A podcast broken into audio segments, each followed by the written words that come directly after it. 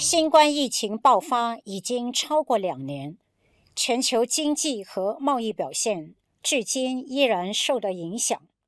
俄乌冲突、通胀压力升温，主要经济体采取货币紧缩政策。新一波疫情引致中国内地的封城措施，以及物流瓶颈等等，都严重打击香港以及世界各地的经贸表现。二零二二年前四个月，香港整体出口仅比去年同期微升百分之二点八，但是对美国、欧盟、东盟的出口增长就接近百分之十到二十。随着这些主要市场恢复经济活动，香港出口因而受惠。当中国内地防控措施逐渐放宽，香港的出口就有机会在二零二二年下半年明显复苏。二零二二年第二季香港贸发局出口指数显示，香港出口商对主要出口市场及出口行业的信心回升。指数较第一季攀升六点二到三十点九，出口总额增长的主要原因是价格上涨，而出口量可能停滞不前，甚或减少。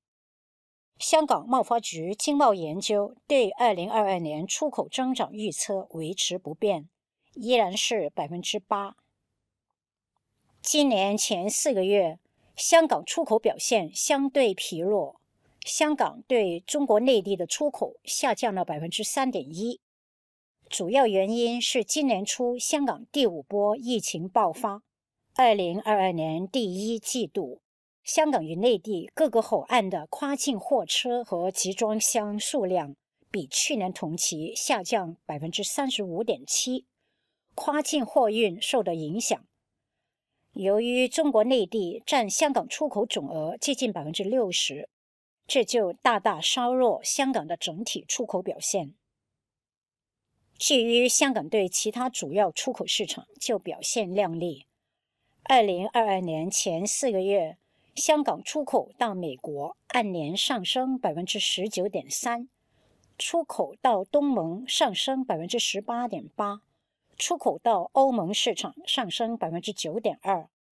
香港与台湾和越南有密切的供应链联系，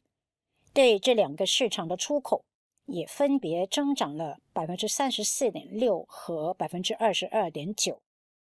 至于下半年的展望，在主要出口市场方面，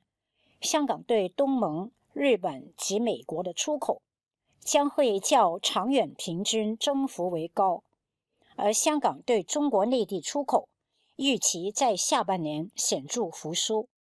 二零二二年全年增长则略高于趋势。最近，随着中国内地的新冠确诊数目减少，慢慢放宽防疫限制，跨境货运渴望逐渐恢复正常，不少工厂陆续复产。此外，香港贸易商渴望受惠于今年年初生效的区域全面经济伙伴关系协定，在这个协定的框架下，预料中日贸易受益最大，香港出口商也可以寻找到不少商机。基于重启社交和商业活动，